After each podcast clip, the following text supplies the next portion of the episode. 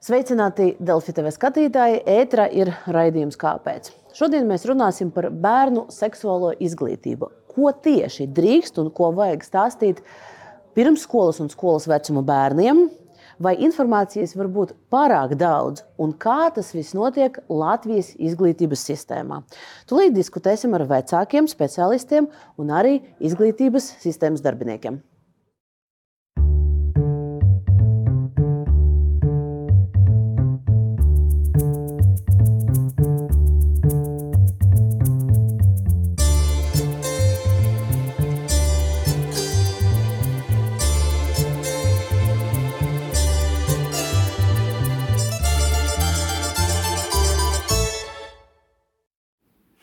Un stādīšu priekšā diskusijas dalībniekus šodien. Inese Bautre, valsts izglītības satura centra vecāka referente. Sveiki! Labdien! Rīgas Stradiņa Universitātes Sabiedrības veselības institūta vadošā pētniece Gunta Lazdana. Sveiki! Labdien. Šobrīd jūs pārstāvat arī Paparda Ziedu, un jūsu loma ir svarīga arī tāpēc, ka jūs piedalieties Pasaules veselības organizācijas standartā, kas tieši izstrādē, kas tieši attiecas uz seksuālu izglītību jauniešiem un bērniem. Tad klāt ir arī Lauris Bokišs, biedrības tēve valdes loceklis. Labdien! Česlavs Baitņa, pedagogs un saimnes deputāts. Labdien! Un Anna Dāvana, centra dārdedze pārstāve. Labdien! Pēdējos divos mēnešos dažādi materiāli ir izraisījuši lielu rezonanci sabiedrībā.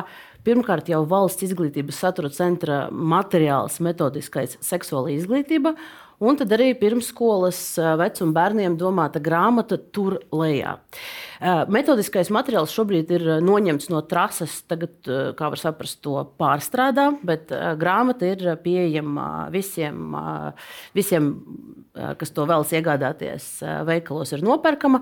Un mēs runāsim gan par grāmatu, gan plašāk par seksuālo izglītību kā tādu, bet sāksim ar, ar, ar to asāko, pēdējo, karstāko aspektu.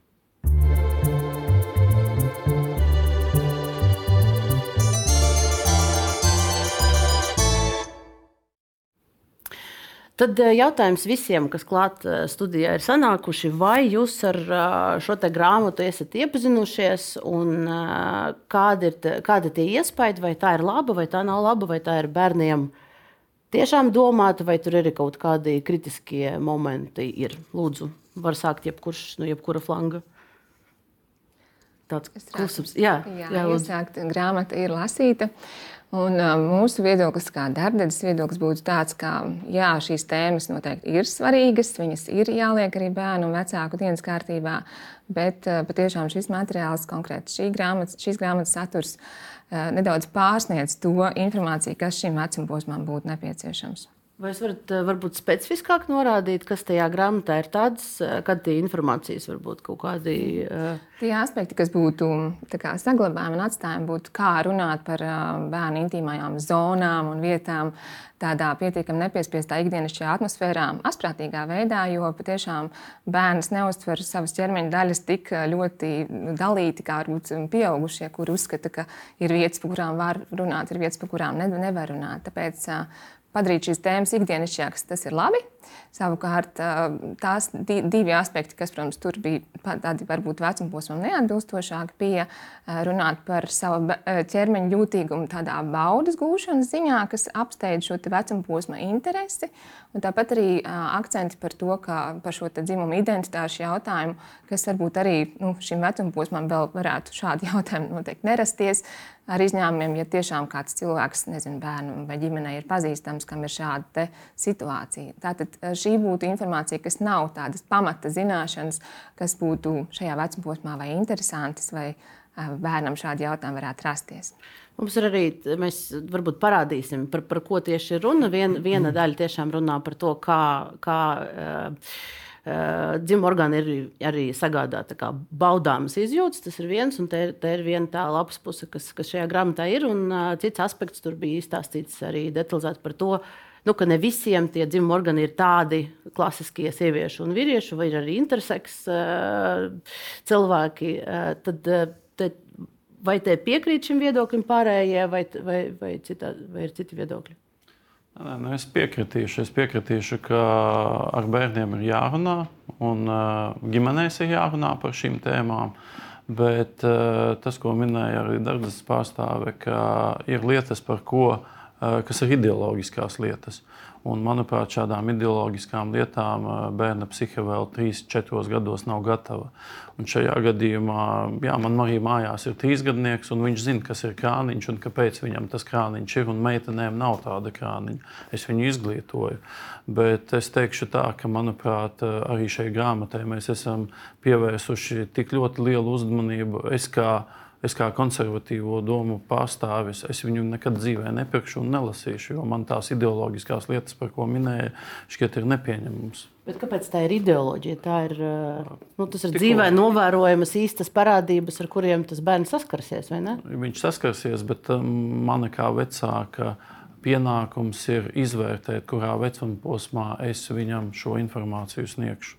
Ne jau 3, 4 gados. Tad, laikam, Lasdāns kundze ir. ir... Nu, man vienkārši mēs tagad uh, vecāki, es varētu no Omītas viedokļa teikt, ka es noteikti savai mazmeitai, kurai pašlaik ir astoņi gadi, es šo grāmatu mēs kopā noteikti izšķirstīsim. Astoņos gados, jā. jā. Tieši tā, nu, mēs te tik pieminēts vecums, bet ne, ne tik precizēts, kāds vecums ir. Jūs varat ilustrēt, kā piemēram, man ir 5 un 9 gadus veci bērni. Es apsēdos lasīt šo grāmatu, divas lapas puses izlaidu. Tāpēc man likās, ka ne, ne 5, ne 9 gados eh, šīs informācija maniem bērniem nav šobrīd ne interesanti, ne aktuāla. Bet tas ir ļoti labi, ka mums mm -hmm. ir grāmata, Jā. ko mēs varam paši, ko mēs gribam izlaist, ja vajag, bet tomēr ir ļoti daudz kas, kas ir lasāms, stāstāms un pārunājams. Un tur ir tā lielākais pluss. Tā kā, es domāju, ka nav tikai plusi šai dzīvē, un nav tikai mīnus. Jā, es eh, arī mazliet, gan, pirmkārt, arī kā tēvs, 6 un 9 gadīgu puiku tēvs, eh, gribu sacīt, ka, uh, lai cik es būtu savukārt liberāls un atvērts, man ir arī ļoti daudz manas robežas. Un tas, ko man palīdz šī grāmata un daudzas citas grāmatas, kuras ir tur ārā tirgu pieejamas, viņas man iedod pašam izpratni par to iekšējo radaru. Viņas man sākot no zīlītes. Ja, vakar es nu, visa cita starpā izskatīju arī zīlīti, lai saprastu, kāda man ir sajūta pret zīlīti. Nu, un, tad, ja run, un, un tad jau ir manā izpratnē, tas ir ne tikai. Es tur neredzu ideoloģisku jautājumu, es, es redzu jautājumus tiešām par piemērot, nepiemērot kaut kādām informācijas detaļām, detaļām vai precīzāk dziļumu, kādā mēs kaut kādas lietas bērnam eh, skaidrojam, vai stāstam, vai vispār eksponējam viņu tam. Bet tad ir tāds gaumas jautājums. Un tad, no gaumas viedokļa man tomēr šī modernā grāmatiņa šķiet bišķīt simpātiskāka nekā zīlīte. Zīlīte, man liekas tiešām ļoti nu, nu, tādā kaut kādos aspektos brutāla. Citas, citi attēli, attēli patīk. Man, piemēram, ļoti nepatīk, ka zīlītē ir teikums. Uh, kur, kur mazais brālītis rauj aiz matiem un saka, meitenēm nedrīkst darīt pāri. Nē, vispār bērniem nedrīkst darīt pāri, neatkarīgi no dzimuma. Ja? Un tad šie te nu, tādi vecā laika priekšstati par to, ko ir brīvi darīt meitenēm, ko ir brīvi darīt zēniem, man liekas, ka ir iekļaujami šī grāmata daudz labāk runā un plašāk par to, kas ir un kas nav iekļaujams par ko, par ko nevar runāt. Un otra lieta, ko es kā tēvs gribu sacīt, šo grāmatu ar bērniem neesmu lasījis, bet eh, es viņiem lasīju, eh, es paņēmu eh, rokās, un, un ir sērija, nu, kā Omis savā uz internetu, kā, kā tēcis runāja, atbildēja uz kutelīgiem jautājumiem. Un tad tieši kā Anda arī minēja, es lasīju, un es noķeru sevi pie šie, šī iekšējā pašcensora. Ir lietas, kurām es pārslīdu pāri Un tāpēc es apzinos, ka es esmu pieaugušais, kuram jā, ir bērniem jāstāsta par drošību, par robežām, par, par iespēju pateikt nē, par, par arī brāļu starpā izpra, veidot izpratni par to, kur, kur un par ko tu vari runāt, vai rādīt, vai aiztikt, vai tam līdzīgi. Kur ir robežas arī starp pašiem tuvākajiem, ja? kuri pirms vēl dažiem gadiem kopā varbūt gāja vannā, bet tagad viņi vairs to nedara ja, jo ir paaugušies, ir citā vecuma grupā ieauguši. Un, uh, un to iekšējās pašcensūras elementu, nu tad, tāpēc es esmu pieaugušais. Un tajā brīdī, kad vieni pieaugušie metas virsū vienai grāmatai, par to, ka ārprāts šausmas, nu, neviens jums viņu nav pa pastu atsūtījis. Ja? Tā nav nekāda monētu reklāma, ja, kur jums tur atsūta, un tad jums ir jāpiemaksā par to, lai no viņas at atkratītos. Nu, tā. Jūs precīzi pateicāt, ka šo grāmatu, ja kāds no vecākiem vēlas, lai viņš viņu pērk, bet šī grāmata nedrīkst būt bērnu plauktos, kur mm, trīsgadniekiem, četrgadniekiem. Tā ir vecāku literatūra, ģimenes literatūra. Un publiskā telpā ir arguments, ka daudzas ģimenes par to nerunā, tāpēc vajag izglītot. Piedodiet, tās ģimenes, kurās par šām tēmām nerunā, tad š, tās ģimenes arī šo grāmatu noteikti nepirks. Un, e, līdz ar to mūsu kā sabiedrības ir jautājums caur organizācijām, kā šos vecākus izglītot un kā viņiem pasniegt informāciju saviem bērniem.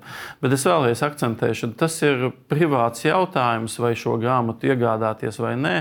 Es viņu droši vien neiegādāšos, jo es principā jūtos eh, diezgan erudīts, lai saviem bērniem paskaidrotu, kas ir krāniņš. Un, ka... Jūs varat pateikt, dzimuma loceklis. Jūs sakat, tas ir dzimuma loceklis, tas ir penis. Nē, es viņam saku, ka tas ir krāniņš. Es viņam saku, ka tas ir krāniņš. Tad, kad viņam pienāks laiks līdz desmit gadiem, varbūt desmit vai astoņos vai deviņos, tad droši vien mēs runāsim savādāk. Bet mazam bērnam no, par to bufu stāstīt vai par kaut kādu klitoru, piedodiet, tas nav vecuma posmam atbilstoši. Es gribētu šeit piebilst, es šo grāmatu apskatījos. Un, uh, viņa būtībā atbilst pilnīgi Pasaules veselības organizācijas seksuālās izglītības standartam. Un tad, kad vairākus gadus atpakaļ es pirmo reizi saskāros ar šo seksuālās izglītības standartu, man arī varbūt bija tāds šoks nedaudz par šo baudas gūšanu, par to, kas tur ir rakstīts. Bet strādājot un izprotot vairāk šos jautājumus, tad eh, es uzskatu, ka tas ir atbilstoši, bet tikai ir katram mums pašam jāizvēlas vecuma posms. Bērniem viņš ir atšķirīgs. Vienā ģimenē mēs runāsim, vienā ne. Eh, nekas šeit nav obligāts. Es vienkārši gribēju piebilst, tāpēc, ka pie, tika pieminēta Pasaules veselības organizācijas um, seksuālās izglītības standarti, kur man bija tas gods desmit, nu, desmit gadus, laikam ne, bet piecus gadus mēs strādājām pie tiem standartiem. 2010. gadā tos publicēja, pieci gadi strādāja vismaz 20 ekspertu grupa. Tie eksperti arī standartos ir minēti no visas Eiropas ar bērnu psihiatri, bērnu psihologu um, sabiedrības veselības speciālisti nu, no dažādiem, dažādiem aspektiem, ar ļoti plašu dažādu pieredzi.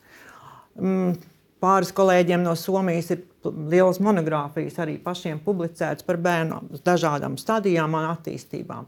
Un arī tur negāja viegli, ka, lai to standartu un to matricu izstrādātu no 0 līdz 4 gadiem, no 4 līdz 6 gadiem un katru, no to, katru to solīt.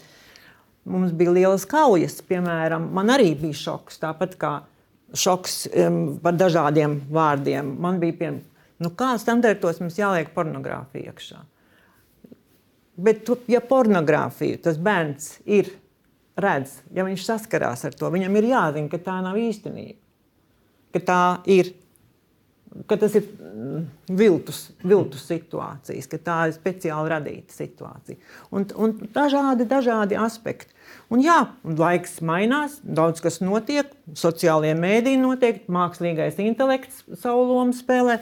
Tā kā tagad atkal pārstrādā šos standartus, lai adaptētu katru vecuma grupu atbilstoši. Bet jūs varat, eh, iespējams, te ir vairākas tādas atšķirības viedokļos, arī iezīmējās, paskaidrot, kurš nu, to pamatprincipu, varbūt to ietvaru lielu, kurā vecumā mēs, mēs saucam dzimumu orgānus anatomiskajos vārdos, kurā vecumā mēs runājam par to, ka tie sagādā kaut kādu baudu arī, ka tur nervu gali un tā tālāk, kurā vecumā mēs runājam par tām atšķirībām. Ir... Viss ir ļoti nu, sīki aprakstīts. Bet to, bet to princi, principu, lai mēs tagad saprastu. Nu nu, principu ļoti grūti pateikt, ja tas ir pa trīs, trīs, trīs gadu solis. Bet, piemēram, viens no principiem ir, ka dzimumu locekli nevajadzētu saukt. Vajadzētu saukt par peni jau no paša sākuma. Nevis dažādos kāpēc? krāniņos, un kāpēc ne? Un kāpēc ne?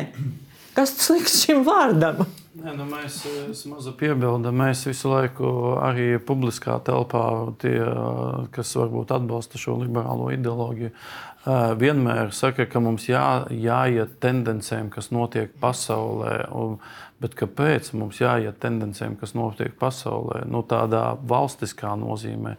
Mums būs viena sabiedrības daļa, kas būs liberāla, būs kāda, kas gribēs saukt nevis par peni, bet par krāniņu.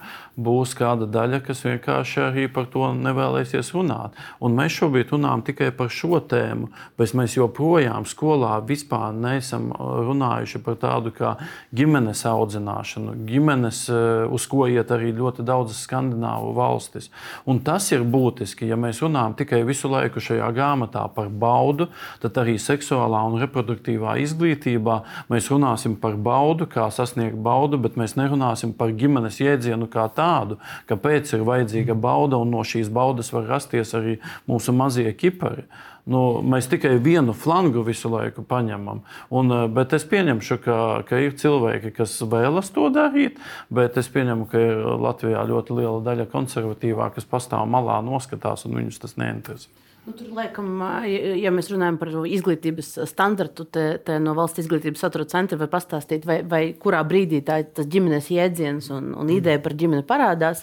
Bet Dārdas pārstāvja gribēja runāt. Jā, es vēlējos pakomentēt tēmu par to, ka ir eh, pamata zināšanas. Es tiešām liktu malā šeit politiku un ideoloģiju. Es liktu, ka ir pamata zināšanas, kas mums kā darbdevējai, kas iestājās par vardarbības novēršanu un seksuālas izmantošanas prevenciju, tad ir pamata tēmas, kurām neatkarīgi no tā, kāda, kāda ideoloģija vai kādai politiskai piedarībai mēs, mēs piedarām kā vecāki, mums šīs tēmas ir bērnam kaut kādā veidā jāpasniedz, jāiedod. Tātad, kas ir tās pamatzināšanas? Pa, pašā pirmajā tādā agrīnā agrīnā pirmskolas vecuma posmā, tās ir par drošām un cieņpilnām attiecībām, par to, kā mans ķermenis pieder man. Tātad nevar citi cilvēki ar mani darīt, ko grib. Eh, man ir ķermeņa robežas, kuras citiem cilvēkiem ir jārespektē, un man ir jārespektē citu cilvēku robežas. Tāpat par šiem labiem un sliktiem pieskārieniem, par labiem un sliktiem noslēpumiem, tā ir būtībā drošības informācija. Un atbildot, komentējot jautājumu par to, kā tad saukt šo, šīs dzimuma orgānus, mūsu uzskats vienmēr bijis tāds, mēs drīkstam, protams, saukt arī par krāniņu vai par čūriņu vai par tādiem nu, bērnišķīgākiem vārdiem. Ja mums vulva vai pēnis liekas pārāk uh, liels vārds priekš šī mazā bērna, tad pašā laikā mums jālieto tādi apzīmējumi, uh, lai uh, pasakot, pieņemsim, ārstam vai pedagogam vai auklītei par to, ka, pieņemsim, mani kāds ir aizskārs tādā un tādā vietā, lai nerodās pārpratumi, pieņemsim, ka tas ir mans draudziņš vai ka tā ir puķīte vai ka tas ir gliemezīts. Arī tāpēc varbūt mazliet oponēšu šai grāmatai, kas tik ļoti radoši pieiet šai tēmai. Ja mēs sauksim to par puķītēm un draudziņiem, tad mēs varam radīt pārpratumus par to, kas tad īsti ir noticis. Un tas arī pieder pie drošības, ka šim vārdam ir jābūt sab, eh, nu, sabiedrībā saprotamam. Un eh, mēs Džimbas drošības programmā darām tā, ka mēs eh, pajautājam bērniem, kā viņi to sauc. Mēs sadzirdam, mēs mācāmies, ka tas ir ok pieminēt šos dzimuma orgānus vārdos, un mēs nosaucam arī šos te, bioloģiski nu, pieaugušo vārdus, lai viņi zinātu, vēlāk, kad jūs mācīsieties, jūs dzirdēsiet arī tādu vārdu kā dzimumloceklis un vulva. Un, lai, lai viņiem nav kā, kaut kādas divas dažādas pasaules, ka viņš pieaug un tad pēkšņi viņam atverās pilnīgi citi vārdi. Tātad, lai viņš to dzird, bet galvenais, ka šis vārds ir uh, citiem speciālistiem un citiem vecākiem saprotams. Nē, es varu tikai piebilst, ka tieši kā Anna saka, manuprāt, bērniem ir jāzina pamats, Un tad tas, ko piedāvā šī grāmata, nu, kad ir šis radošais potenciāls. Ja? Tas ir ok. Mūsdienās ir jāzina arī ne tikai kā tas viss tiek saukts, bet arī kā tas tiek attēlots. Ja? Nu, bērniem eh, zināmā vecumā, tad, kad viņi sāk iet skolā un viņiem iedod pirmo eh, vietu telefonu, viņiem ir jāzina, ka eh, pēni attēlo kā baklažānu un, un, un, un, un, un, un vulvu vai vagīnu attēlo kā persiku. Ja? Un vēl dažādas šīs izpratnes, kas ir atkal primāri drošības jautājums. Jo, ja lai bērni nenonāktu. Jāzina, jo, ja viņi nezina, ja viņi nezina, tad viņi nonāk vai nu paši nonāk, vai tiek ierauti seksuāla rakstura drošības aspektus apdraudošās, nezinu, komunikācijā, vēl kaut kur, vēl kaut kur, uh, kur, kur viņi nu, var, nona, nu, var nonākt pat pāri darītāju lomā galu galā. Ne tikai, ne tikai būt tie, kuri, nu, nezinu, vienkārši tiek padarīti, atstāti muļķa lomā. ja, uh, Es gribētu mazliet nokomentēt. Mēs visu laiku sasaistām, ka vārdu nezināšana ir kaut kāda problēma ar vārdarbību. Nē, vārdu nezināšana un izglītošana nav nekādas sasaistes ar vardarbību. Vardarbība ir sekas eh, kaut kādai neaudzināšanai ģimenē, bet vardarbībai, vai mēs saucam par krāniņu vai par peni, nav nekāda sakara. Tas ir tieši tas. Um, Tāpēc, kā, ja, ja bērnu dārza audzēknītis nāk pie savas auklītes un pasaka, ka vecētiņš aiztika manu puķīti, uh, ir problēma. Tāpēc, kad nu, vardarbība notiek, un mums ir jāsaka tādi vārdi, kurus spēj cilvēks atpazīt, par ko vispār ir stāsts. Bet uh, es nepabeidzu vienkārši to teikt. Es gribēju teikt, ka jebkurā izpausmē vārdarbību mēs spējam atpazīt. Vai tas ir puķīte, vai krāniņš, vai penis, vai dzimumlots. Nu, šeit vienā, vienā, vienā reizē jūs sakāt, ka mēs to varam izdarīt, otrā reizē jūs sakāt, ka nevaram. Bērni ļoti pielāgojas. Bērni sapratīs, kas ir puķīte, kas ir krāniņš. Un ja viņš arī zina, kas ir penis un kas ir dzimumloceklis. Bet, uh, mēs vienkārši es uzskatu, ka atbilstoši vecuma posmam ar viņu arī jārunā atbilstošā valodā.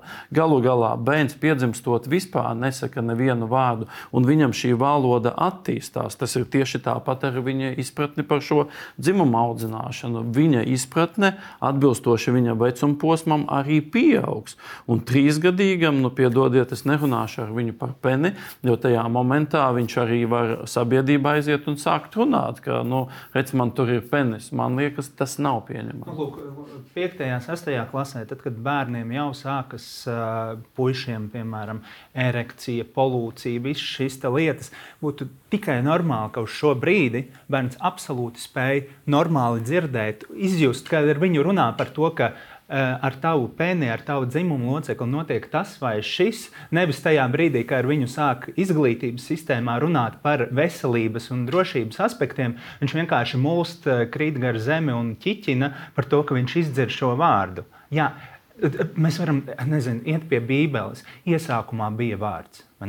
Mēs varam sākt nu, ar to, ka vārdam ir milzīga nozīme, milzīgs spēks. Un, un, un mēģinot šo te paslaucīt zem tepiņa, un nu, kā, nu, Nu, ne, jūs runājat, neviens mēs... nemēģina paslēpt. Jūs tikko salīdzinājāt 5, 6 klasi un 3 gadnieki. Jā, Tie ir 10 gadi. Tas nozīmē, jāizaug. Bet 3. klasē man tiešām patika tas, ko teica Dārgājas uh, pārstāve, ka, ka ir lietas, par ko nevajadzētu runāt. Un šajā gadījumā ir lietas grāmatā, kas ir ok, bet ir lietas, par ko nevajadzētu, jo tas nav atbilstoši vecuma posms. Jo šeit izskanēja, ka tas ir 8 gadi.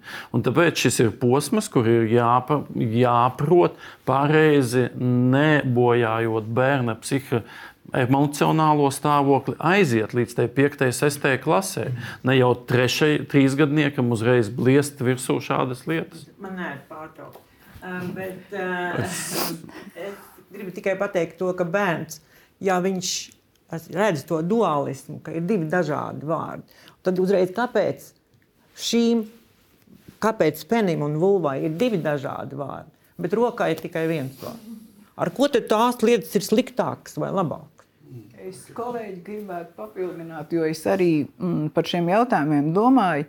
Uh, vienmēr uh, pienāk pie secinājuma, mēs sakām sirds, mēs sakām plaušas, mēs sakām ausis, deguns. Uh, Bet kāpēc mums ir kaut kāda organismā, mūsu anatomiskā daļa, kuru mēs eh, mēģinām salīdzināt ar kaut kādu citu? Ja? Un kolēģi ļoti pareizi pateica, mums jau arī eh, normatīvos dokumentos, vadlīnijās, pirmsskolas ir ierakstīts par šo ķermeņa neaizskaramību, ka mācām bērniem neaizskart savu ķermeni. Par. Tātad tas ir atbilstoši viņa vecuma posmam. Un es varu pateikt, šīs jūsu um, nu, tās programmas, es zinu, viņas tik tiešām skolotāji izmanto un rāda un stāsta. Viņas ir vienkārši kolosālas. Ja?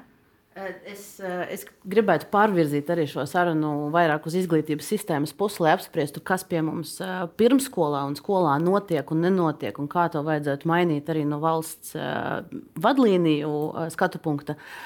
Bet, bet viena tāda maza piezīme, jo no visiem aspektiem, ko es sākumā iesāku, tas, pie kura mēs visilgāk noturamies un izrunājam, ir kā to nosaukt vārdā, kāds Jā. ir pareizais vārds. Un tas, laikam, nu, parāda to diskusijas, nu, cik, cik cik, cik, cik dažādi ir tie viedokļi, cik, cik sašķelta ir sabiedrība runājot par šo, ja mēs pat nevaram vienoties par to vārdu. Ja drīkst piebilst, tad tas parāda to, ka mums pirmkārt par to jārunā ar pieaugušiem, par to, nu, pieņemsim savu ķermeni, kāds viņš ir viss, un, un pieņemsim to, ka mēs varam runāt par visu savu ķermeni. Un varbūt, ka pieaugušiem ir vērts paskatīties, kā tas klitors īsti izskatās. Varbūt ne trīsgadniekam bērnam.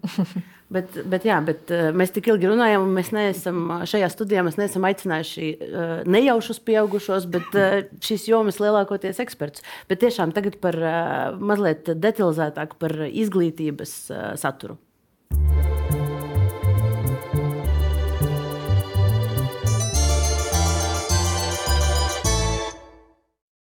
Bet uh, mums ir divi, divi kungi, kas šobrīd studijā ir, ir arī saistīti ar izglītību. Batņas kungs ir uh, bijis vairāk skolu direktors, un uh, Bokšs kungs arī šobrīd ir direktors uh, privātai skolai. Es gribēju jums mm, paprasīt, vai jūs varat izstāstīt, kā jūs savā izglītības iestādēs risinājāt šo jautājumu. Jo iepriekšējās diskusijas citur tika jau konstatēts, ka metodisko materiālu skolotājiem, ko izmantot Latvijā, nav daudz. Vadlīnijas arī nav ļoti detalizētas. Ir dārdzene, ir vēl kaut kas, bet ko jūs abi darījāt, un varbūt mēs varam saprast, vai tas atšķiras. Man, man, man droši vien būs īsāk un ātrāk, tā kā man ir sākuma skola.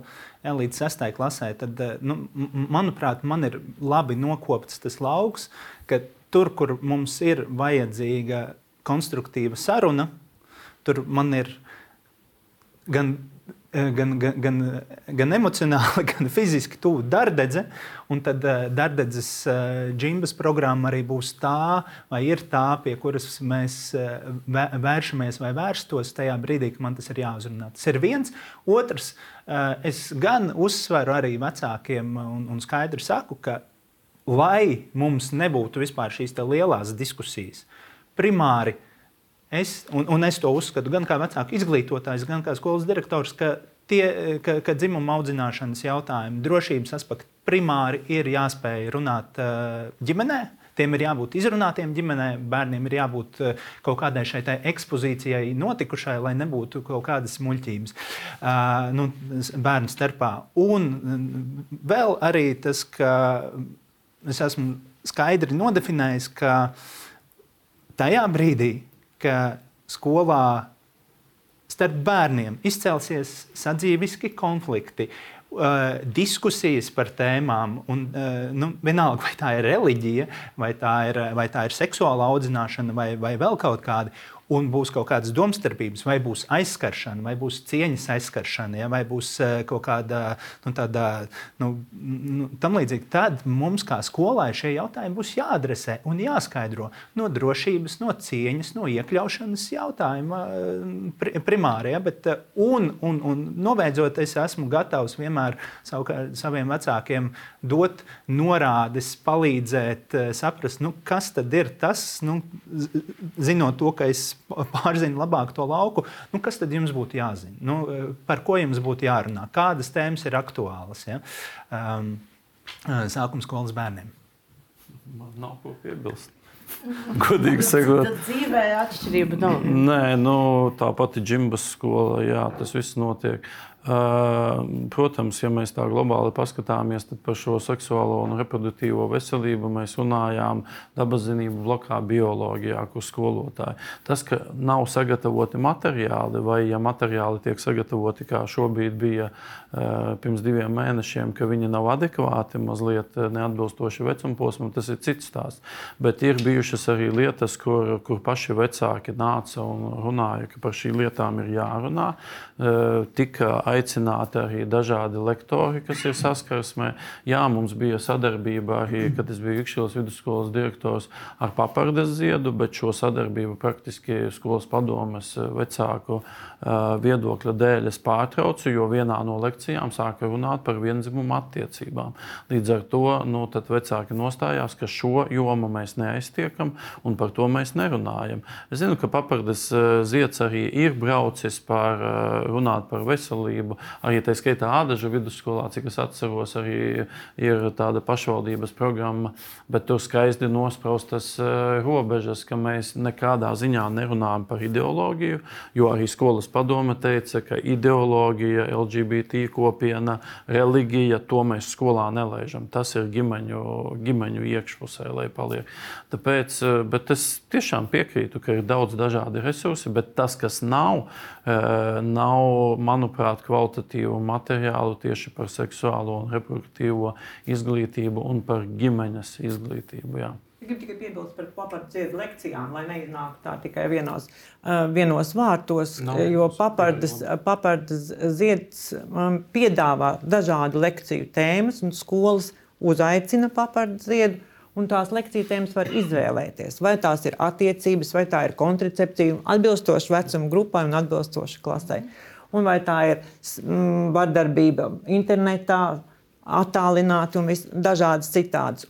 Tēma atsevišķi esoša eh, esoš tēma par vienzimumu laulībām nav, bet, protams, ja, eh, vai attiecībām, ja tāds jautājums tiek uzdots, tad nekādā gadījumā tas netiek pas, paslaucīts zem tepiņa. Tad bērniem atbild. Nē, nu šeit jūs pareizi pieminējāt, cik es atceros, ka lekcija bija tieši par kontracepciju sievietēm. Tad panesās šī diskusija, ka tad, kad ir jautājumi, attie, divu meiteņu attiecību, ka kontracepcija nav nepieciešama. Un attīstījās šis jautājums. Jā, nu, daļai bērniem tas nebija pieņemams. Viņi aizgāja uz mājām, izstāstīja vecākiem, un vecāki teica, ka viņi nav gatavi šādām tēmām, lai viņu bērnus izglīto. Tāpēc es saku, ka šajā gadījumā, ja arī papardes zieds ir labas lekcijas arī par vardarbības mazināšanu, par seksuālo izglītību, bet bez ideoloģijas, varam sadarboties. Eh, bet es, es varbūt gribēju precizēt, ja, ehm, eh, ja šo aspektu eh, uzskatīt par ideoloģiju, tad es, es pieņēmu, ka studija ir cilvēki, kas tam nepiekritīs. Tad ir jautājums, kā, kāda ir tā skolotāju, nu, instruktāža skolotājiem. Jo es pieņēmu, ka arī tajās skolās, kur jūs bijat direktors, iespējams, ir bērni, kuriem ir romantiska interese, un jaunieši, kuriem ir romantiska interese attiecība pret savu dzimumu. Ir bērni, kas nāk no vienzimumu ģimenēm, ir bērni, kas uzdod šos jautājumus. Vai, tad, vai, vai, vai, tajās, vai jūsu vadītais skolas ir kaut kāds konsensus skolotājiem, ko tad viņiem darīt brīdī, kad šis jautājums tiek pacelts? Jūs pilnīgi labi, jūs pilnīgi pareizi pateicāt, ka ir gan, gan bērni, gan vecāku ģimenes nu, tāda tipa. Un, bet jebkurā gadījumā arī bet skolotājiem nav bijis nekad uzstādījums, ka par šo tēmu nerunājam. Skolotāji ir pietiekoši erudīti, bet tas, kas varbūt pietrūkst, tiešām sadarbība vecāku ar skolu, ja ir šāda situācija situācija, tad nu, patreiz tomēr vairākums, eh, es vēlreiz neapšaubu, ir liberālā un konservatīvā ideoloģija, un viss kārtībā. Mums nav jāstrīdās, kāpēc viena vai otra ir labāka. Bet eh, vienkārši tā ir ideoloģija. Bet šajā gadījumā, manuprāt, arī eh, jāuzņemas atbildība tiem pašiem vecākiem eh, nākt runāt ar skolu, kur pēc tam jau skolas vadība runā ar pedagogu un jau eh, tiek iesaistīts arī eh, nu, teiksim, visa klase, ja nu kādam tas ir nepieņemami. Ir bijušas situācijas, bet mēs viņas risinām, un tas nav tā tabū tēma, ka mums šāda nav ne šādu gadījumu nekā. Nē, tā ir. Un šeit ir jāpasaka, ka mēs to, nu, mēs to pieņemam un mēs strādājam ar to, lai nebūtu nekādas teiksim, vardarbības, ideoloģiskas saskarsmes. Tāpēc es domāju, ka katram skolam, skolai un skolotājam ir plāns, kā to risināt.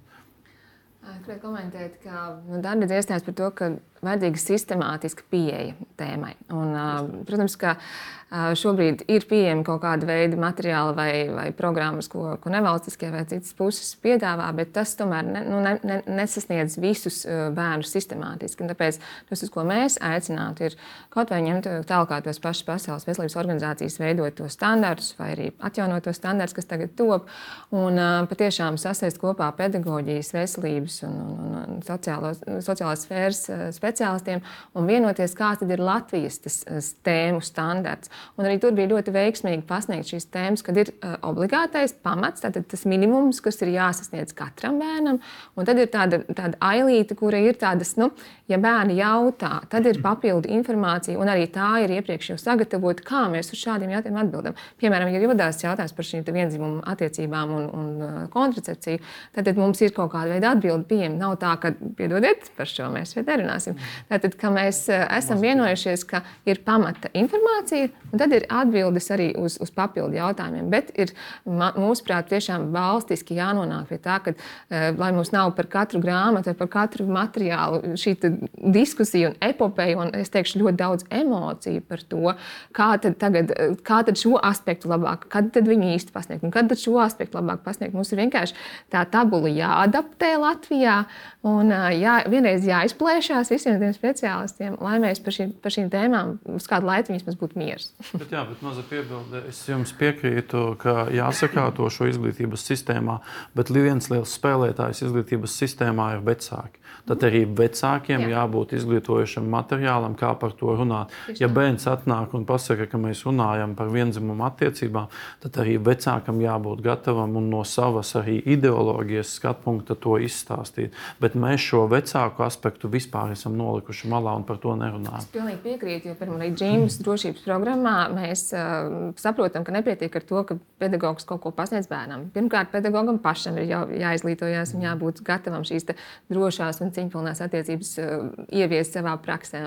Un uh, mēs sapratām, cik ļoti būtiski ir, ka mēs paralēli par katru tēmu, par ko tiek runāts ar bērnu, paralēli informējam arī vecāku. Lai šīs tēmas, uh, lai gan, gan vecāks vispār ir zinošs, par ko bērns mācās, gan viņš jūtas drošs par to, ka tur netiek mācīts kaut kas nepiemērots. Viņš jūtas drošs par to, bērnu, kāda informācija bērns sasniedz, un ka viņš var turpināt šo tēmu savā ikdienā, ka tas nav viņam kaut kāda pilnīgi cita pasaule mājās.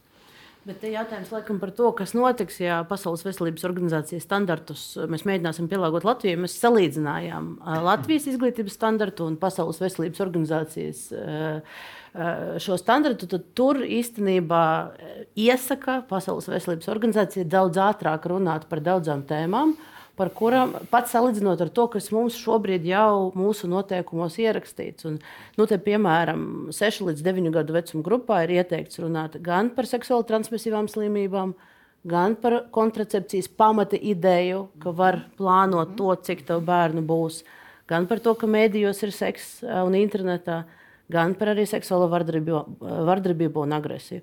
Nu, proti, Eh, mums šis viss daudz vēlāk ieplānots. Un, piemēram, par kontracepciju 15 gados ir piedāvāts. Es varbūt drusku aiziešu vēsturē, jo standartus izstrādāja balstoties pēc Eiropas Savienības liela projekta. Saucās SAFE projekts, drošs, uh, drošs projekts, kur visām 27 valstīm izvērtēja situāciju, kāda ir situācija seksuālās izglītības jomā. Eiropas Savienības finansēts liels projekts, kurā bija iesaistīta Lundas Universitāte un Pasaules veselības organizācijas Eiropas reģiona. Un izrādījās, ka to, ko mēs saprotam vārdu seksuālā izglītība, katra valsts pilnīgi citādāk interpretē. Un, un tad parādījās tieši tas, ko tikko teica kolēģi, ka vajadzētu kaut ko vienotu, ko mēs sakām, bez tā nu, mēs nevaram to nosaukt par seksuālā izglītību. Bet, ja grib kaut ko audzēt virsū, bet bez tā minimuma nesauksim. Sauksim to par veselības mācību, varbūt plašākā jomā, bet nu, nekādā gadījumā nepieminēsim, ka tā ir dzimuma izglītība. Tas vārds seksuālais Latvijā jau ir tā, nu, ne visur vienādi saprotams un tulkojams. Un, un, un, un mums nevienmēr vajadzētu koncentrēties uz to slikto. Mēs redzam tikai kaut kā sliktu. Bet ļoti, ļoti, ļoti piekrītu, ka mums vajadzētu paņemt, visiem izkauties Un tad tie, kas vēl paliks dzīvajos, tie parakstīs, parakstīs, parakstīs pēdējo tos standartu, kādu, kādu būtu minimumu. Un pat tad, ja mums šie standarti būs izstrādāti, būs noteikti bērni, kuriem tas būs par daudz vai par maz. Tieši tā, jo, jo katrs bērns ir individuāls. Noteikti konkrēti vecuma posmu mums varbūt ir no šī no standarta viena puse uz vienu pusi, otru uz otru. Es šeit gribētu vēl pieminēt to, ka šo Pasaules veselības organizācijas dokumentu mēs varam izmantot kā ieteikumu, jo visiem Pasaules veselības organizācijas dokumentiem ir tikai ieteikumu raksturs. Mm. Ja, es piekrītu, ka šobrīd mums šīs diskusijas ir ļoti daudz un dažādas. Un kad mums vajadzētu vienoties, tātad saprast, ko mēs veidojam, kādu, kādam vecuma posmam, jo varbūt tās, bet nekad viņš nevarētu būt kā obligāts. Bet laikam ir jautājums par to, jo nu, kompetenci izglītība ir šīs uh, prasmes, ko mēs sagaidām pēc katra no posmiem. Tad, uh, ja es pareizi saprotu to sistēmu, tad, iekš, tad sas, kā sasniegt tās prasmes, tad, tad jau tā skola pati izvēlās vai komunicējot ar vecākiem. Un, un šobrīd uh, vismaz valsts izglītības satura centra pieejamajā informācijā teiksim, ir piedāvāts par uh, kontracepciju runāt 9. klasē. Tas ir 15 gadi. Jautājums, vai mūsu valstī šobrīd ir jābūt plānam, sekot līdzi šim Pasaules veselības organizācijas standartiem un pārcelt šo tematu daudz, daudz, daudz ātrāk, jau no deviņiem gadiem. Vai mums to nevajadzētu darīt? Nu, pie, ja mēs ņemsim šo vienu piemēru, kas Jā. ir ļoti, kas nav ideoloģisks, bet ir diezgan nu, specifisks. Es, es, es vakar vadīju vadīju ceļvedes audzinot pusaudzi programmu, programmas nodarbību par seksuālo izglītību kā reizi. Un, Neejot tur tieši tā, Vis, visu, par ko mēs runājām, vienojāmies, nevienojāmies. Ja, nu tad, uh, ja man stāsta vecāki, e, kuri savukārt strādā sociāla atbalsta jomā, nu, labi, mums te Rīgā, Pierīgā viss, viss vēl labi, ja nu, tur varbūt mēs varam arī tur tajā septītajā klasē par kontracepciju runāt, ja, bet ja realitāte laukos ir tā, ka e, nu, meitenēm 12 gados ir nu, pirmās seksuālās attiecības, un tas ir kā, nu, plaši izplatīta kopumā norma, nu, tad mums ir jāsaprot pirmkārt e, ka par to ir jārunā. Eh, protams, ka mēs varbūt gribam atturēt kopumā ne, no, div, no, no, no, no seksuālām attiecībām 12 gados, un, un, bet reizē mums ir par tiem drošības aspektiem arī jārunā. Nevis vienkārši jāpasaka, uh, nu, nezinu, ideoloģiski vai reliģiski, ka uh, vienkārši tas nav pareizi. Ja? Man pieteicis, ka Sabiedrības veselības institūta vadošo pētnieku. Paldies, bet es esmu arī profesors Zemniecības un ginekoloģijas katedrā. Un tāpēc vakar pat mums bija nodarbība sabiedrības veselības studentiem. Mēs analizējām vienu no tēmām, studenti strādā pie pētniecības darbiem, un viena no tēmām bija pusauģu grūtniecība. Un pagājušajā gadā, 2020, es ceru, ka es nemaldos, bet septiņam septiņām meitenēm līdz 14 gadiem. Jaunākām par 14 gadiem tika veikta aborti.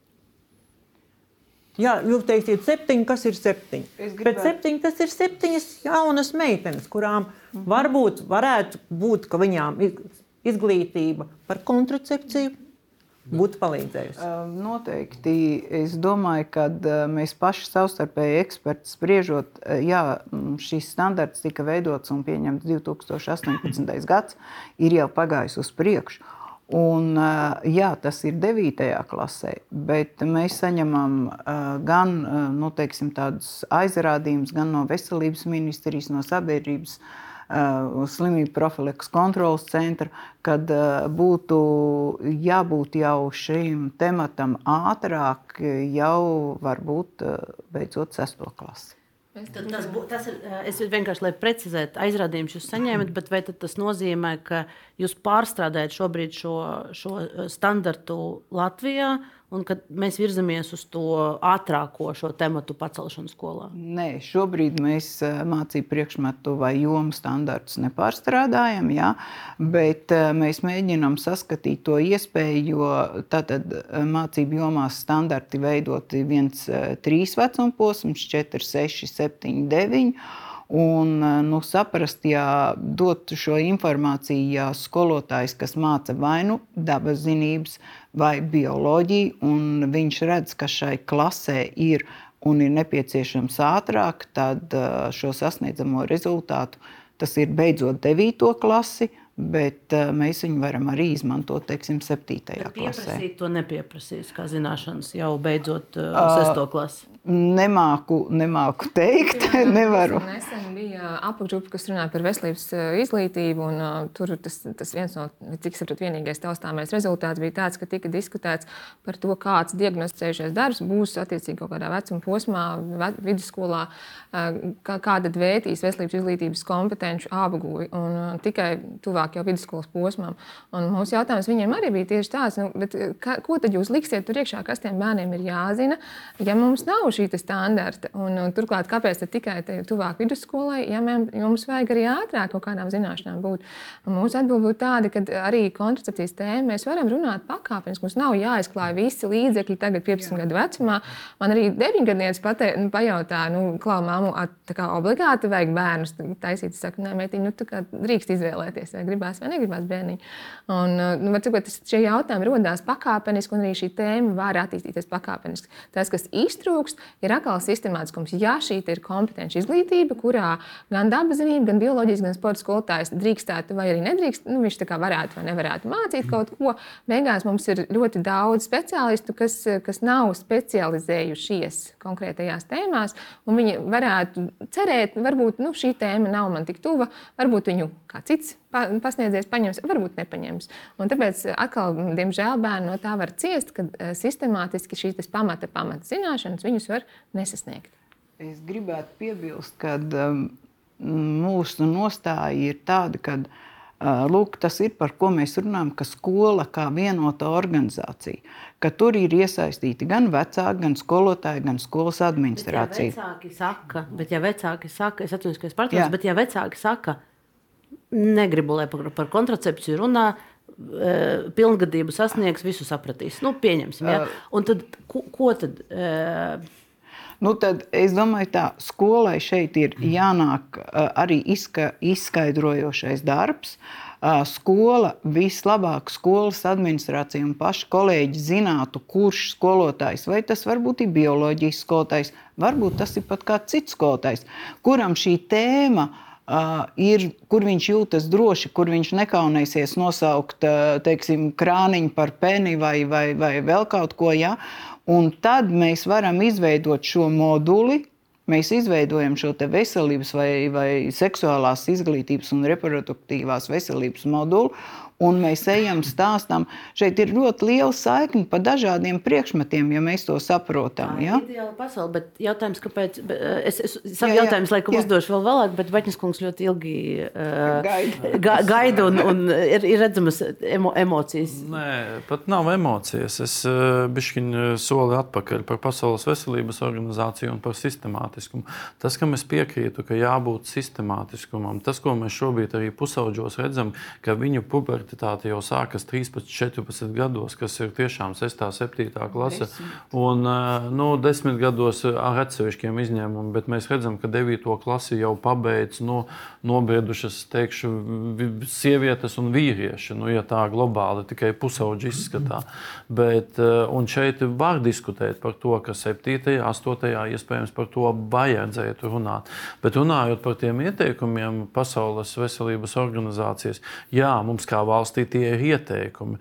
Un es Šobrīd teikšu, kā politikas. Ja mums sabiedrība ievēlēs tādu saimu, kurā ir teiksim, arī nu, vairāk konservatīvais gals vai vairāk liberālais gals, tad arī tāda, tādus lēmumus mēs saimā arī pieņemsim. Iespējams, ja būtu savādāka saima, arī tie materiāli, kas tika izstrādāti par seksuālo audzināšanu, iespējams, viņi aizietu un neviens par to nediskutētu, neko, viss būtu ok.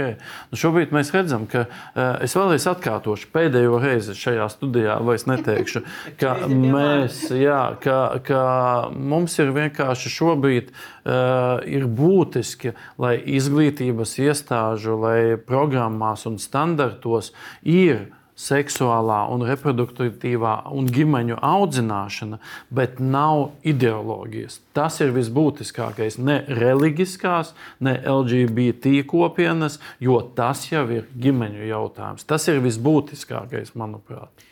Uz, uz šīs nots man jāatvadās no RTV skatītājiem, jo tur mūsu ēters ir uh, ierobežotāks un īsāks nekā Delfi TV studijā. Paldies RTV skatītājiem un uh, tiekamies ar jums pēc nedēļas, bet uh, atlikušo sarunas daļu jūs varat arī Delfi TV arhīvā noklausīties un noskatīties. Uh, replikas? Mēs labprāt ieraudzītu šo adaptēto Pasaules veselības organizācijas standarta modeli un uh, izdiskutētu to, kuras tēmas tad uh, būtu klasificējamas kā ideoloģija. Uh, un kuras tēmas varbūt mēs tomēr atstātu, ja bērns jautā, tad mēs dodam viņiem kaut kādu iepriekš speciālistu sagatavotu atbildi, kas ir pārdomāta, kas ir nu, atbilstoša attiecīgiem vecumposmam. Nu, tad tiešām jautājums laikam ir par to, kas ir un kas nav ideoloģija. Jo, e, pēc jūsu teikta es saprotu, ka Šajā te, ja mēs atjaunojam to mūsu standartu, ko mēs gribam, lai skolās, bērnu dārzos un visā izglītības sistēmā jaunieši bērni ierauga, tad par LGBT un vienzimumu attiecībām tur nedrīkst būt vispār nekas. Ne? Nu, tas ir tas jūsu. Uh, tad tā būtu ideoloģija. Nu, tā ir vienzimumu attiecību popularizēšana caur izglītību, tā ir ideoloģija. Bet tā kā pieminēt nedrīkst, vai nu, kur ir jūsu robeža, kur, kur, kur, kur beidzas. Uh, situācijas, eh, teiksim, tā nu, realitātes atainošana un kur sākas ideoloģija. Kur... Jūs tiešām eh, varbūt aiziesim eh, bišķiņu tālāk no tēmas, bet. Es mēģināju tu, tuvāk tēmai. Nē, bet lai saprastu, es domāju, ka mūsu arī, piemēram, reliģisko kopienu vadītāji pirms mēneša nāca ar skaidrojumu, piemēram, par Stambulas konvenciju, un tur ir ļoti labs skaidrojums, kas ir ideoloģija un kas nav. Bet, ideoloģija. bet jūsuprāt, kā, kā pedagoga, kur, kur, kur, Es kā pedagogs droši vien pateiktu, ka pastāv Latvijā arī cilvēki, var izvēlēties eh, dzīvot vīrietis ar vīrieti, sievieti ar sievieti, un ar to arī beigtos. Viss.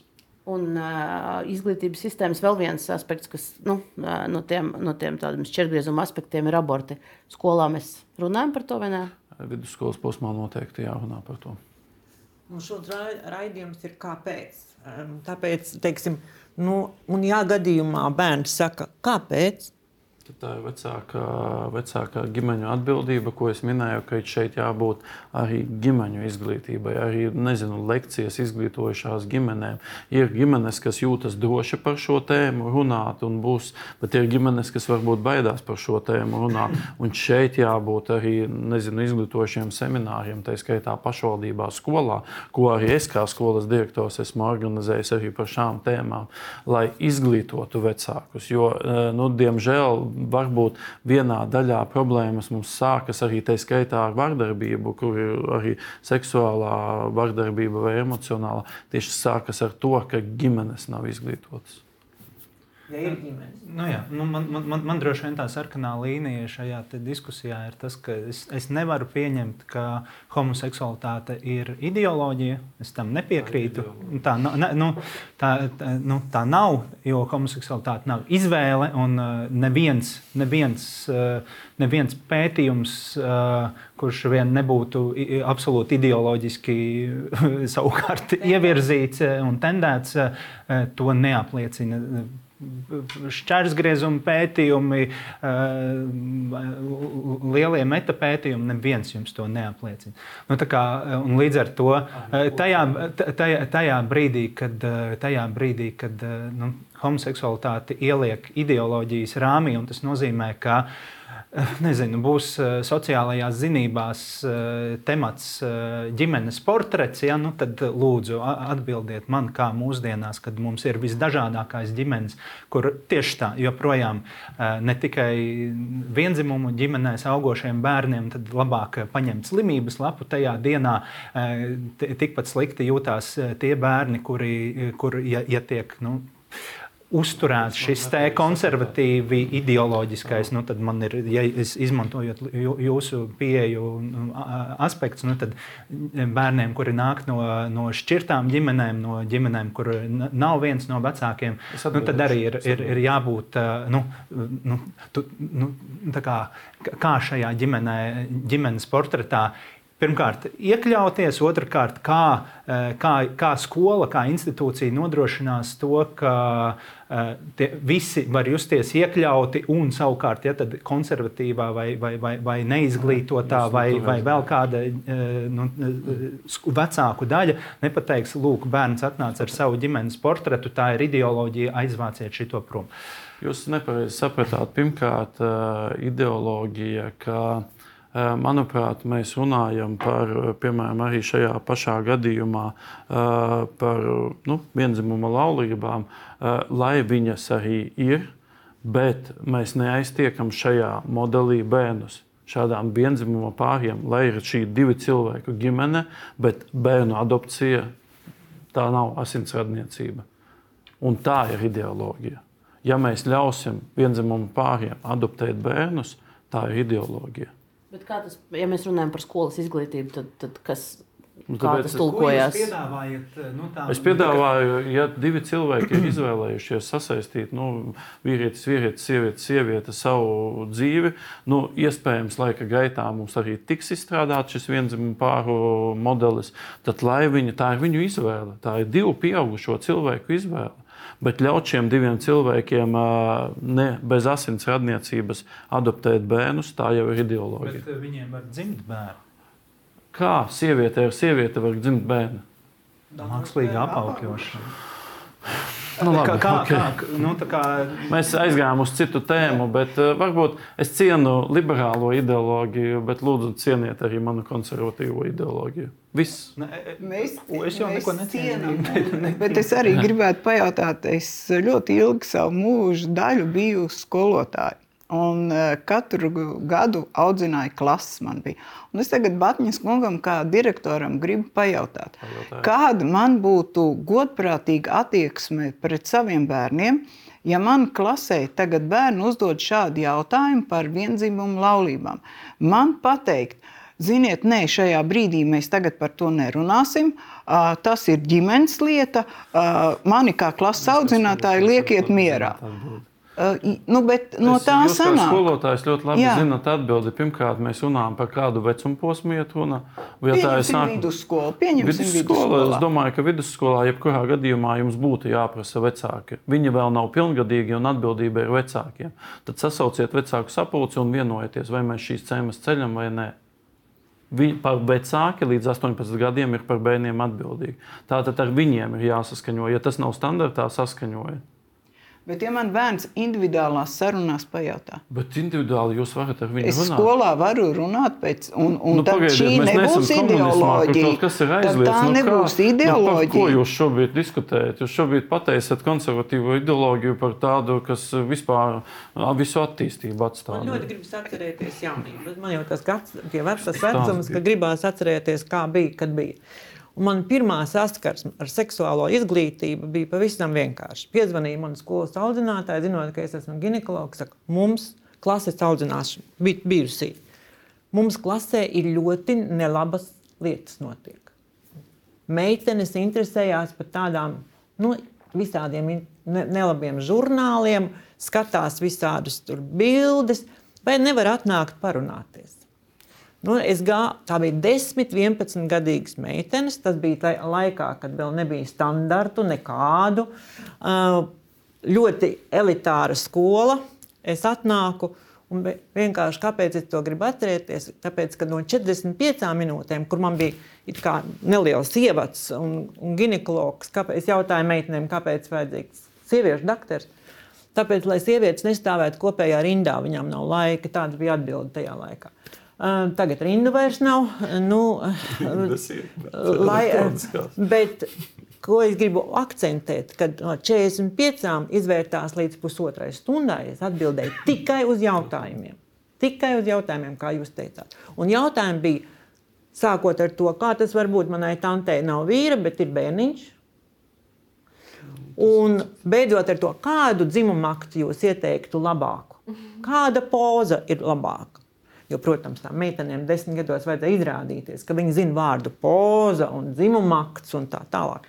Bet tas bija ļoti laba tāda, nu, tāda duša, augsta duša, Es pusotru stundu izturēju, bet meiteņu interese bija visdažādākā. Mums bija ļoti laba saruna. Un, protams, es centos ar savu zināšanu bagāžu paskaidrot. No tā, no, kas, no, no, no tā, tā mācība, ko mēs varam izmantot šajā situācijā. No, situācijas var būt ar tiem jautājumiem ļoti, ļoti, ļoti dažādas. Un tāpēc mums vajadzētu šos šo standartus, kas būs adaptēti, bet nu, ātrāk par gadu būs adaptēti, vai, vai arī neadaptētos, sākt jau ceļu uz to, kas tad izstrādās un Latvijai izstrādāt nu, vismaz bāzi. Mm bāze būs vienmēr tikai bāze, bet bāze, kurā skolotāji justos drošāk. Jā, kamēr, kamēr mums nav standarta, tikmēr mums nekas cits neatliek. Kā vienalga, vai es esmu vecāks, vai es esmu pedagogs. Nu, šajos jutīgajos jautājumos nu, ir zelta likumi, ko mēs varam vienmēr izmantot. Tas ir atbildēt tikai un tieši uz bērnu jautājumu, tieši tādā apjomā, rēķinoties ar, ar, ar to, nu, kas, kas nu ir eh, bērna nu, vecuma posms. Tas, kas ir bērna vecuma posms, tiešām nu, var ieskatīties, ja māca angļu valodu, var ieskatīties dažādos, dažādā literatūrā. Ja, ja, ja māca latviešu valodu, var kaut vai paparda zieda eh, karogu sistēmas eh, tabulā ieskatīties, kur ir nu, izstāstīts, kāda ir seksuāli atbilstoša, neatbilstoša uzvedība dažādās dažādos vecuma posmos, sākot no dzimšanas līdz pat uh, pilngadības, uh, ja, un, un kas ir zaļš karogs, kas ir dzeltens, kas ir sarkans. Respektīvi, uh, vienmēr uzdot jautājumu vecākam, bet, uh, bērnam, uh, bet kā tu domā, vai ko tu par to zini? Un tas mums precīzi iedod to rāmējumu, kādā bērns vēlas kaut ko uzzināt. Ja? Un, un kamēr mums nav standarts, kurā var ieskatīties gan pedagogi, gan, gan, gan, gan vecāki. Nu, šis ir tas, bet noteikti īpaši vecākiem, bet arī pedagogiem. Tad, kad bērns uzdod jautājumu, pateikt, nē, es par šito nerunāšu. Nē, nē, nē. Ja? Kas arī notiek, kas diemžēl notiek. Vecāki samulst, vecāki nezina. Tāpēc nu, labākas vai sliktākas, bet ir šādas grāmatas, kas mums vismaz iedod kaut kādus priekšstatu vai valodu. Ja tā, tā tabula, ko es teicu, karogu sistēmas, viņa mums neiedos to pareizo valodu vai, vai pieņemamo valodu, kādā, kādā runāt. Skatīties, kas ir džimbas eh, lapā rakstīts. Ja, un, un, un, un, nu, tas ir tas, pie kā mēs varam turēties un pie kā vismaz būtu vienalga, vai mēs liberāli, konservatīvi, zaļi, sarkani vai oranži eh, nu, varētu kopīgi vienoties. Bet es jums pilnīgi piekrītu, bet, diemžēl, tās ģimenes, manuprāt, kuras nespēja izskaidrot, viņas nespēja arī šādus materiālus nopirkt. Līdz ar to jādomā, es vēlreiz akcentēšu to, ko jūs arī teicāt, jādomā, kā nonākt līdz visām ģimenēm ar informāciju. Un, ja ir jautājums, tad, protams, šī situācija jārisina vai individuāli, vai kopēji, vai ar vecākiem, bet viņai ir jārisina, jau dodas jautājumi. Tāpēc es vēlreiz teikšu, ka šī izglītība ir izglītošana bērnu ir vajadzīga. Tikai jautājums, eh, kādā apjomā un ar kādu informāciju konkrētā vecuma posmā. Es vēlos iedrošināt vecākus, ka, ja kāds nejūtas drošs par to, ko, viņš, ko viņa bērns saņem, vai, vai kas ir tās robežas, tad, tad uh, droši jautāt to, lai nav tā, ka mums ir vai nu runāt, vai nerunāt ne par ko, tā kā vispār šo tēmu slēgt, vai, teikt, mans bērns nedrīkst apmeklēt ģimenes drošības programmu. Arī tādiem žēl, tagad sakarā ar visu to, kas ir pacēlies, arī tādi vecāki ir, kas pasaka, ka manam bērnam vispār neko par to nedrīkst mācīt. Un tas ir tas bīstamā tendence, ka mēs eh, kaut kādā brīdī kā radikalizējamies vai mazliet iekonservējamies tādā, iekapsulējamies tādā aizsardzības pozīcijā, ka nekādu informāciju nelaist klāt. Bet mūsuprāt, tāda pamata drošības informācija bērnam ir jālaiž klāt, tāpēc, ja, lai jautā, lai vecāki vēršās, kas viņam nav skaidrs un jūtas jūtās droši par to, kas bērnam tiek pasniegts. Šī ir ļoti laba nots, eh, uz kuras noslēgt, eh, noslēgt šo raidījumu, bet eh, pirms atvadīties, es gribēju vienkārši precizējuši jautājumu uzdot. Tad tieši pēdējo šo diskusiju ap valsts izglītības satura centra materiāliem kontekstā un grāmatas kontekstā jūs saņemat atteikumus, bet tie ir daudzi atteikumi? Nedaudzi, bet atsevišķi ir. Nu, tiksim, tieši tieši, tieši pēdējās, pēdējās nedēļās no vecākiem mans bērns par šīm tēmām nemācīsies. Un tad arī tie bērni nenāk vai arī bērni skola. Nenāk. Nē, nu. tad bērni nenāk, konkrētie bērni. Mhm. Nu, tad, tad šī būs tā nots, uz kuras mums jānoslēdz šis raidījums. Bet, uh, paldies visiem par diskusiju. Uh, paldies par, uh, par, par ļoti saturīgu sarunu. Un, man liekas, ka daudz ieguva varbūt arī kaut kādu jaunu informāciju ar skatītājiem. Mēs tiekamies pēc nedēļas.